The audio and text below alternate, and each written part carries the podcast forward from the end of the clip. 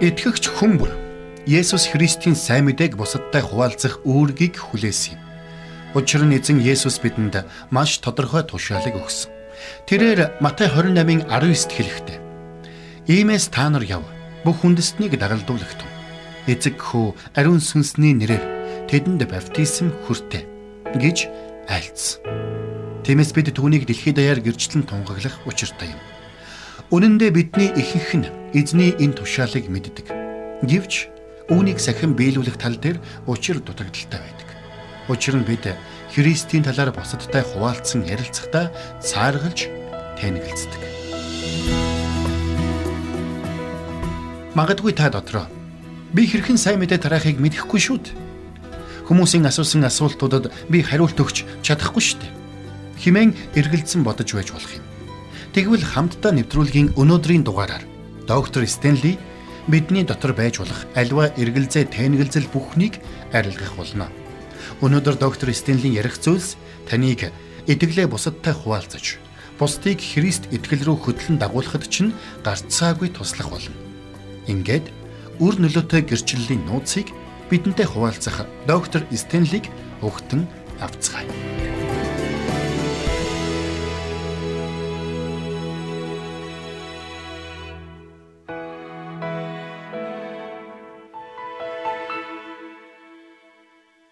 Хэрвээ би та нараас хизээ та хамгийн сүлдхэн нэгэнд Есүс Христийн сайн мэдээг хуваалцсан бэ гэж асуувал маш их ихтгэлтэйгээр хариулж чадах хүн хэр олон байгаа бол?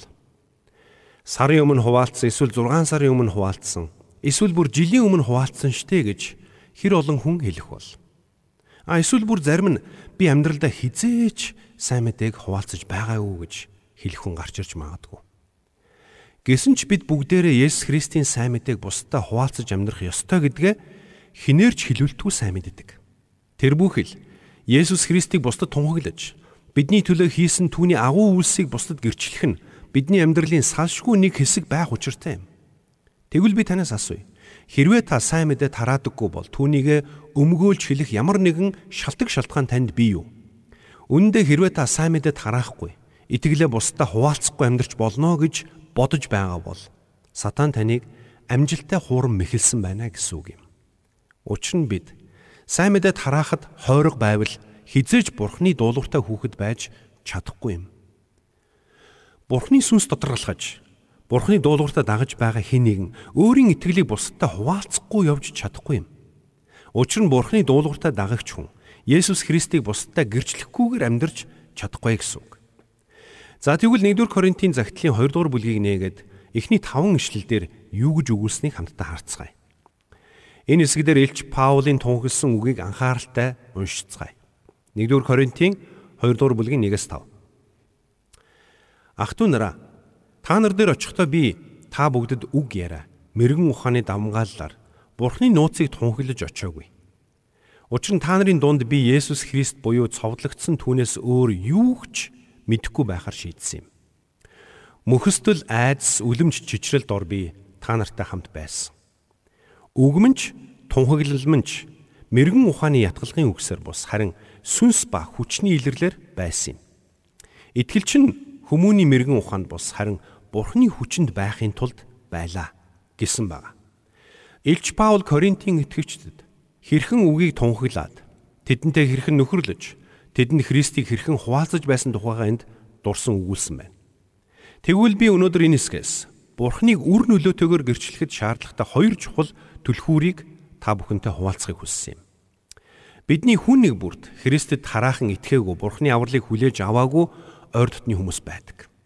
Найз нөхөд хамаатан садна бодоод үзвэл тийм хүн гарцаагүй байж л байгаа.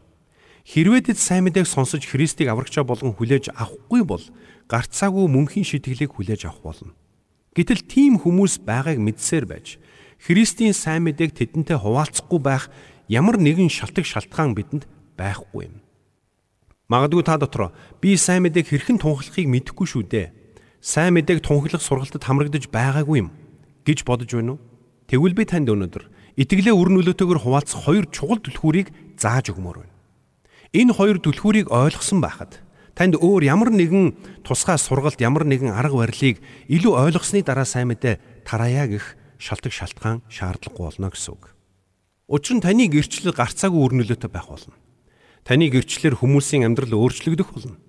Тиймээс хамтдаа Илч Паулийн хэлсэн үгс рүү анхаарлаа хандуулцгаая. За, Илч Паулийн загтлаас үзэх юм бол бидэнд байх ёстой хамгийн ихний түлхүүр бол зөв сүнс буюу зөв хандлагын тухай хэлсэн байна. Тэгвэл бид Христийн сайн мэдээг тунхаглахдаа ямар хандлагатай байх ёстой юм бэ? Ингээд хамтдаа 1-р Коринтын 2-р бүлгийн 1-с 4-ыг нь харъя. За эхлээд 1-р эшлэлдэр Ах トゥ нараа та нар дээр очихдоо би та бүгдэд үг яриа мэрэгэн ухааны давмгааллаар Бурхны нууцыг тунхаглаж очиогүй. За харин 3 4-ыг нь харъя. Мөхөстөл айц үлэмжийн чичрэл дор би та нартай хамт байсан.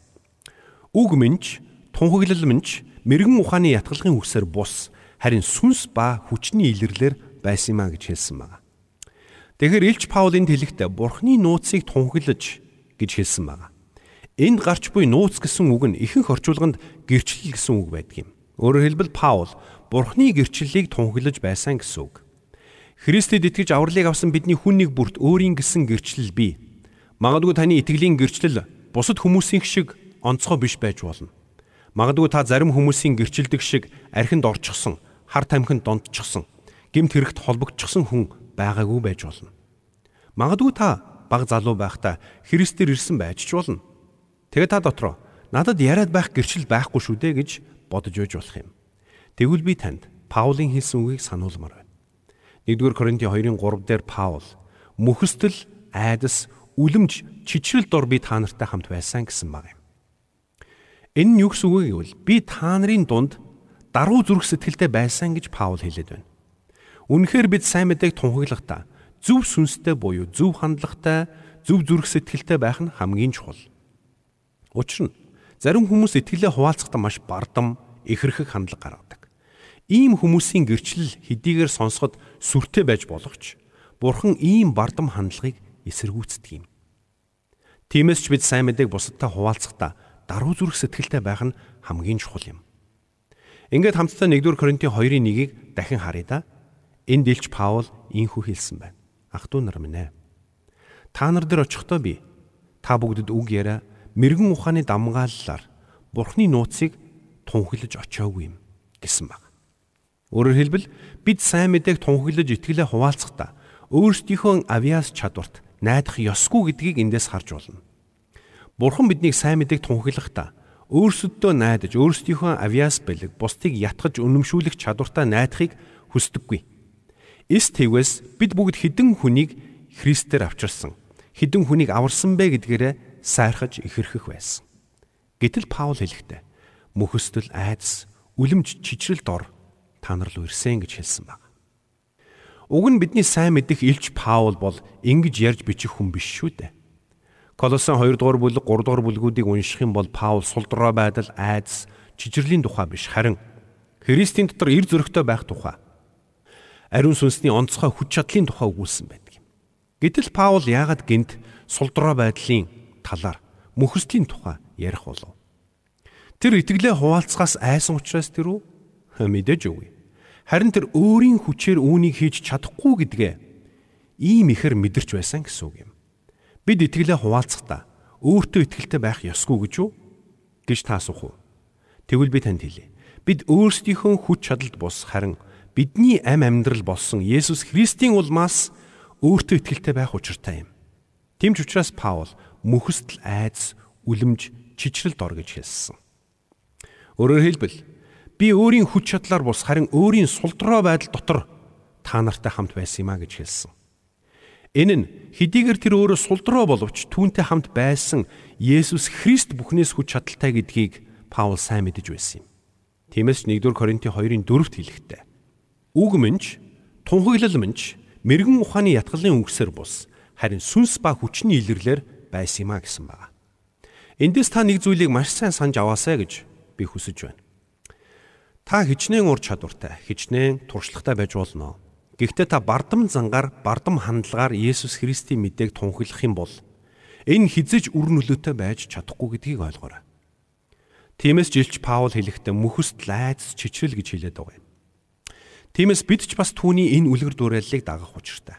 Итгэлээ хуваалцаж, сайн мэдээг тунхаглах үедээ ч бид бас Паул шиг даруй зүрх сэтгэлтэй байх учиртай. Илч Паул мөхөст лайц үлэмж чичрэл дор гэж хэлэхдээ Хүмүүст гологдохыг гэхээс айгаагүй. Буруу зүйл ярихыг гэхээс айгаагүй. Харин сайн мэдээг сонсогчд нь сайн мэдээг хүлээж авалгүй алдахгүй гэхээс л айж байсан юм. Христийн сайн мэдээг сонссон ч итгэхгүй үлдэхгүй гэхээс айж байсан юм. Тийм учраас тэр өөртөө биш харин Бурханд найдаж ярьж байсан. Тэгвэл бид ч бас найз нөхөд ойр дотны хүмүүстэй сайн мэдээг тунгаглахдаа ийм хандлагатай байх нь чухал юм.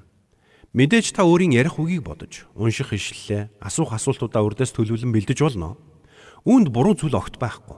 Гэхдээ энэ бүхнээс илүүгээр та өөрийн хандлагат анхааран өөрийнхөө хандлагыг бэлдэх хэрэгтэй. Яагад гэвэл бид цаад хүнээ сайн мэдээг хүлээн авч аврагдах хэсгэд бус. Харин өөрийгөө дөвлөхөд анхаарах юм бол эсвэл тэр хүн намайг юу гэж бодох болоо гэдэгт илүү анхаарал хандуулж байвал Бид сайн мэдээнд бардам сэтгэлээр хандаж байна гэсэн үг юм. Бурхан ийм хандлагыг уучлаарай. Үзэн яддаг юм. Харин эсвэргээрээ таны дотор би чадахгүй гэсэн хандлага байгаа бол танд зөв хандлага байна гэсэн үг юм. Гэхдээ би чадахгүй гэсэн бодлын цаана хоёр янзын шалтгаан байх боломжтой гэдгийг та ойлгох хэрэгтэй. Яагад гэвэл зарим тохиолдолд бид бардам зангийнхаа улмаас би чадахгүй гэсэн бодлыг тээдэг. Өөрөөр хэлбэл бардам зам маань бидэнд Хэрвээ би буруу зөрүү ярьчихвал тэр хүн намайг юу гэж бодох юм бэ? Хэрвээ би бүтлгүүтчихвэл хүмүүс намайг юу гэж бодох вэ? Тэгж өнгөнд орсноос чимээгүй сууж байсан дээрээ гэсэн бодлыг өгдөг юм. Энэ бол бардамлаас ихтэй хуурамч даруй бодол юм. Харин эсэргээр эзэн минь ээ та ариун сүнсээрээ ажиллаж миний сул руу үгээр дамжуулан ажиллаач. Хэрвээ та ажиллахгүй бол бүх зүйл бүтэхгүй байх болно гэсэн хандлага бол Бурхны биднээс хүсдэг зөв даруй хандлага юм. Христ итгэлийн талаар төдийлөн сайн мэдэхгүй, буруу зүрүү ярьж хуваалцаж байгаа ишлэлээч Библиэч олж чадахгүй хүний гэрчлэлээр хүртэл дамжуулаад Бурхан гайхамшигтайгаар ажиллаж бусдын амьдралыг өөрчилж байхыг би олон удаа харж байсан. Гэтэл эсрэгээр маш ихийг мэддэг. Маш их туршлагатай хэмээн сайрхаж эрдсэн хүний гэрчлэл ямар ч үр нөлөөгүй байдгийг би олон удаагийн жишээгээр харж байсан. Тийм ч учраас бид мэдлэгтэй, ур чадвартай, ухаалаг, уран үхтэй байхаас илүү даруй зүрх сэтгэлтэй байх нь чухал гэдгийг Илч Паул онцлсон байгаа юм. Дахин би танд хэлж өгье. 1-р Коринтын 2 дугаар бүлгийн 3-аас 5-ыг харах юм бол мөхөст лайз, үлэмж чичрэл дор би та нартай хамт байсан. Үг мэнч, тунхаглал мэнч, мэрэгэн ухааны ятгалгын үсээр бус харин сүнс ба хүчний илэрлэр байсан юм а. Итгэл чинь хүмүүсийн мэрэгэн ухаанд бус харин Бурхны хүчинд байхын тулд байлаа гэсэн байгаа. Би танаас нэг зүйлийг асууя. Таныг өөрийн итгэлээ бусдад хуваалцах үед цаад хүн чинь танд юу гэж хэлээсэ гэж та хүсч байна вэ? Чи ёстой сайн ярьлаа. Чи ёстой синхэртэл ярьлаа. Би чиний ярьсныг хүлээн авч чадахгүй. Гэхдээ чамаар маш их бахархаж байна гэж хэлээсэ гэж хүсч байна уу? Эсвэл чамд нэг онцгой зүйл байна. Юу гэдгийг нь би сайн ойлгохгүй ч би нэг л онцгой зүйл нуугдаж байгааг чинь мэдэрч байна гэж хэлээсэй гэж хүсэж байна. Үнэн дээр тэр хүний ойлгож чадахгүй байгаа тэр зүйл бол таны дотор буй даруй хандлагын үр дүн юм. Учир нь Бурхан бидний даруй зүрх сэтгэлээр дамжуулан ажилладаг. Тиймээс бидний даруй зүрх сэтгэлээр дамжуулан Бурханы ариун сүнс агуу ажилла хийдэг юм. Паул үүнийг маш сайн мэддэг байсан. Учир нь Бурханы ариун сүнс өөрөө л ятгахгүй юм бол бид мянган уран яруу яриад нэмэргүй юм аа. Паул үнийг хинээс ч илүүгээр мэддэг байсан. Тэм учраас Паул би сайн мэдээг тунхаглахдаа мэрэгэн ухаан ятгалгын үг, логиктой сэтгэлгээ, учир шалтгааны тайлбараар бус харин өөрийн сулдраа байдал дотроос Христийг л тунхагласан юм а гэж хэлсэн. Учир нь Паул тэдэнд өөрийгөө сайрхан харуулахыг бус харин Христийн сайн мэдээг итгүүлэхийг хүсэж байсан юм. За тэгэхээр Есүс Христийг үр нөлөөтэйгээр гэрчлэх эхний түлхүүр бол зөв хандлага буюу даруй зүрх сэтгэл байх нь. Энэ нь бурхан минь ээ. Би бүгдийг мэддэг үшээ. Миний мэдэхгүй зүйл маш олон бий. Магадгүй би алдаа гаргах болно. Гэхдээ эзэн минь би явъя. Хүмүүс намайг голж магадгүй. Намайг шоолж, шүмжилж, гадуурхаж магадгүй. Гэсэн ч би таны төлөө явъя. гэж хэлж чаддаг байхын нэр юм. Энэ бол бидний дотор даруй зүрх сэтгэл оршин байгаагийн илрэл юм. Харин хэрвээ та ингэж хэлж чадахгүй байгаа бол таны дотор бардамлын асуудал байсаар байна гэсэн үг юм. Хэрвээ та явж Христийн сайн мэдээг тунхлахаас хойш сууж байгаа бол бусад хүмүүс юу гэж хэлэх болоо гэж айж тухтаа овстой шигдэн суусаар байгаа бол таны дотор бардамлын асуудал байсаар байна гэсэн үг юм. Яагаад гэвэл үүгээрээ та Би өөртөө хайртай болохоор бусдад гологдохыг хүсэхгүй байна гэсэн бардамнал. Тийм болохоор тэдгээр хүмүүс тамд хаягдах хэсэг нь надад огт хамаагүй. Би л хувьдаа бусдад гологдож гадуурхагдах мэдрэмжийг мэдэрмээргүй байна гэж хэлж байна гэсэн үг юм. Үнэн дээр итгэгчид бид яагаад итгэлээ хуваалцахаас хойш суудаг юм бэ? Бидний хамгийн том асуудал нь мэдлэггүй байдал бус харин бардамнал юм. Учир нь бардам зүрх сэтгэл бидний дотор би бусдад гологдохыг хүсэхгүй байна. Бусдад гологдох мэдрэмжийг мэдрэхгүй л байвал бусад хүмүүс тамд унна уу, байна уу надад хамаагүй гэсэн хандлагыг бий болгодог юм. Тэгэхээр Христэд итгэж бидний хувьд Христийн сайн мэдээг үр нөлөөтэйгээр тунхлах хоёр чухал түлхүүр байдаг байна. Тэдгээр ихнийх нь зөв хандлага юм. Энэ ямар хандлага вэ? Энэ бол даруй зүрх сэтгэл даруй хандлага юм. Энэ нь бусдад сэтгэл төрүүлэх гэж хичээх бус. Эсвэл бусдад гологдож гадуурхахаас айх бус. Харин бусдыг аврахын төлөө өөрийгөө хойш тавин сайн мэдээ тараая гэсэн хандлагыг хэлж байгаа юм. За ингээд цаашлие. Үр нөлөөтэй гэрчлэх буюу үр нөлөөтэй тунхаглалын хоёр дахь чухал түлхүүр бол зөв мессеж юм. 1-р Коринтын 2-ын 2-ыг харъя да. Учир нь та нарын дунд би Есүс Христ буюу цовдлогдсон түүнээс өөр юу ч мэдэхгүй байхаар шийдсэн юм а гэсэн баг. Илч Паулийн хувьд тэр үнэхээр мундаг философч хүн байсан. Тэр маш өргөн хүрээний мэдлэгтэй хүн байсан. Гэсэн ч тэр юу гэж хэлсэн бэ? Надад нэг л мессеж байгаа гэж хэлсэн. Магадгүй та дотроо хүмүүс надаас янз бүрийн зүйл асууж шалгаавал яах вэ гэж болгоомжлоод сайн мэдээ тунхлахаас цааргалдаг байж болох юм. Тэгвэл Илч Паулийн хэлсэнчлэн үнэн хэрэгтээ бидэнд бусадтай хуваалцах ганц л мессеж бий. Та Библийн сурвал сураагүй байж болно. Янз бүрийн теологийн олон сайхан мэдлэггүй ч байж болно. Гэхдээ л та хуваалцах учиртай тэр ганц мессежийг мэддэг байхад л болно. Бусад итгэл үнэмшил, шашин шүтлэг ямар байдгийг уншиж судлаж байж сайн мэдээ тараая гэж бүү бод. Учир нь та бусад хүн юунд итгэдэг болохыг мэдэх бус харин та өөрөө юунд итгэдэг хинд итгэдэг болохоо мэддэг байх нь хамгийн чухал юм. Тинхүү хүмүүс танаас юу ч асуусан бай. Та тэднийг Есүс Христ рүү хандуулан чиглүүлж чадах юм. Тийм ч учраас Илч Паул хэлэхдээ би Есүс Христ буюу цовдлогдсон түүнээс өөр юу ч мэдэхгүй байхаар шийдсэн юм а хэмээн тунхагласан юм. Та сайн мэдээг тунхаглах ямар нэгэн төлөвлөгөө боловсруулах гэж бүү санаа зов. Зүгээр л Есүс Христ бол аврагч Есүс Христ бол эзэн. Есүс Христ бол бидний ам амьдрал гэдгийг тэдэнд хэлж өгөхөд л хангалттай юм. Есүс Христийн сайн мэдээг бид ийм л энгийн байдлаар бусадтай хуваалцсан ярихад хангалттай юм. Библи өөрөө ч бидэнд авралын цорын ганц найдвар, цорын ганц арга замыг тунхалсан байдаг шүү дээ. Заримдаа хүмүүс надаас хэрвээ би хүмүүст авралыг авах цорын ганц арга зам бий гэж ярил хүмүүс намайг юу гэж бодох юм бэ? Намайг явцуу бодолтой хүн гэж бодохгүй гэж үү? гэж асуудаг. Өөрөөр хэлбэл тэд хүмүүст гологдох вэ, ад үзэгдэх вэ гэж болгоомжилдог гэсэн үг. Гэвч угтаа бол энэ нь жинхэнэ бардамнал юм. Илч Паул хэлэхдээ би Есүс Христ буюу цовдлогдсон түүнээс өөр юу ч мэдэхгүй байхаар шийдсэн юм а гэсэн байна. Илч Паул хэдий өргөн мэдлэгтэй, мэрэгэн ухаантай хүн байсан ч тэр нэг л мессежийг тунхлах болно гэдгээ энд маш тодорхой хэлсэн байна. Паул Христийн хайрын тухай, хүндрэлтний гимнүглийн тухай, Бурхны шудраг шүүлтийн тухай, Есүс Христийн дахин ирэлтийн тухай тунхаглаж байсан. Гэхдээ энэ бүхний цаана нэг л мессежийг тунхаглаж байсан юм. Тэр нь Есүс Христ буюу цовдлогдсон Христийг. Үнэн дээр бидний тунхаглах тэр ганц мессеж бол маш энгийн юм. Есүс Христ загалмай дээр амиа өгөхдөө хүн төрлөختний гим нүглийн төлөөсийг бүрэн төлж дууссан. Тиймээс альва хүн гим нүглээ гимшиж Есүс Христийг аврагчаа болгон итгэлээр хүлээж авах юм бол Бурхан тэр хүнийг мөнхийн шийтгэлээс нь аварч түүний амьдралыг өөрчлөх болно. Ердүүлэн. Сонсогч нь ямар хүн байхаас үл шалтгаалаад ганцхан энэл үннийг тунхлах учиртай. Бүх хүн төрлөختөнд зориулсан ганцхан мессеж. Бурхан сайн мэдээг бидэнд ийм энгийн болгож өгсөн байна шүү дээ. Хэрвээ хүмүүс надаас ийм зүйлийг, тиймч зүйлийг асуувал яах вэ гэж та бодож байна уу? Ялгаагүй нэг л мессежийг тунхагл. Энэ бол Есүс Христ буюу цовдлогдсон Христ. Та энэ мэдээнээс бүйч. Энэ мэдээнээс бүү ухарч няц. Энэ мэдээнээс болж хэн нэгнээс уучлал бүүгүй. Цаад хүн чинь ямар хариу үйлдэл үзүүлэхээс үл шалтгаалаад Та энэ л мэдээг итгэлтэйгээр тунхагл. Тинхүү таны тунхаглаар дамжуулаад Бурхан алдарших болно.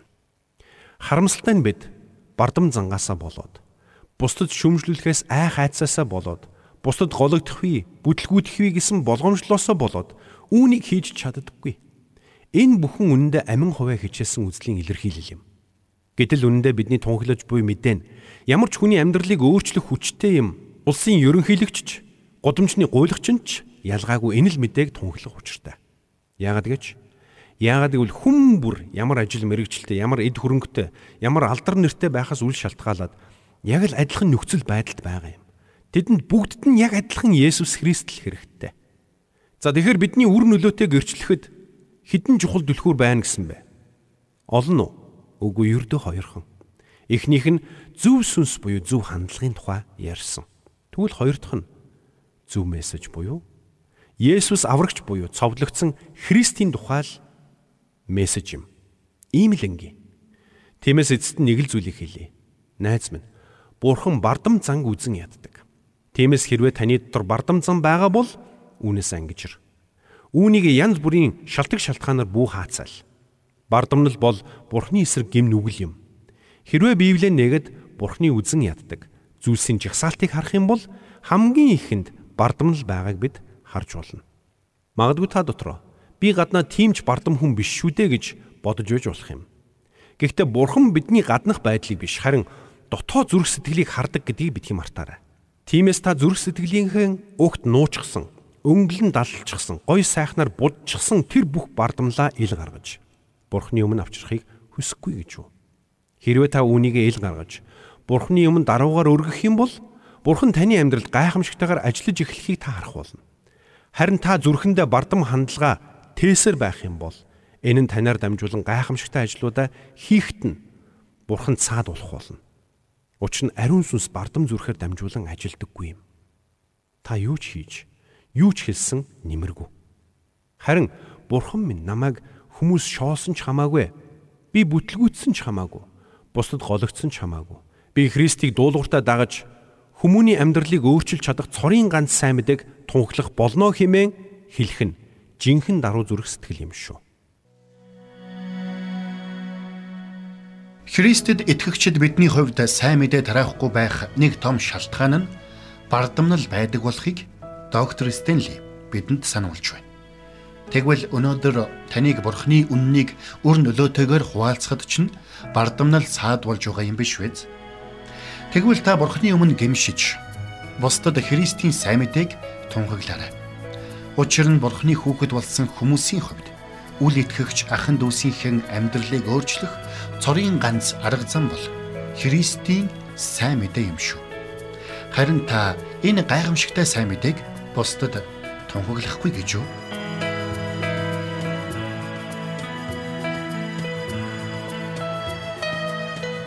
Бурханд тэмүүлсэн сэтгэл хүмүүсийг энэрх зөрхөөр амьдрахад туслах номлогч доктор Чарлз Стенлигийн хамттай нэвтрүүлэг сонсогч танд хүрлээ нэвтрүүлгийг дахин сонсохыг хүсвэл ихтгэл радиоцик.com-оор зочлоорой. Бидэнтэй холбогдохыг хүсвэл 8085 99 тэгтэг дугаард хандаарай.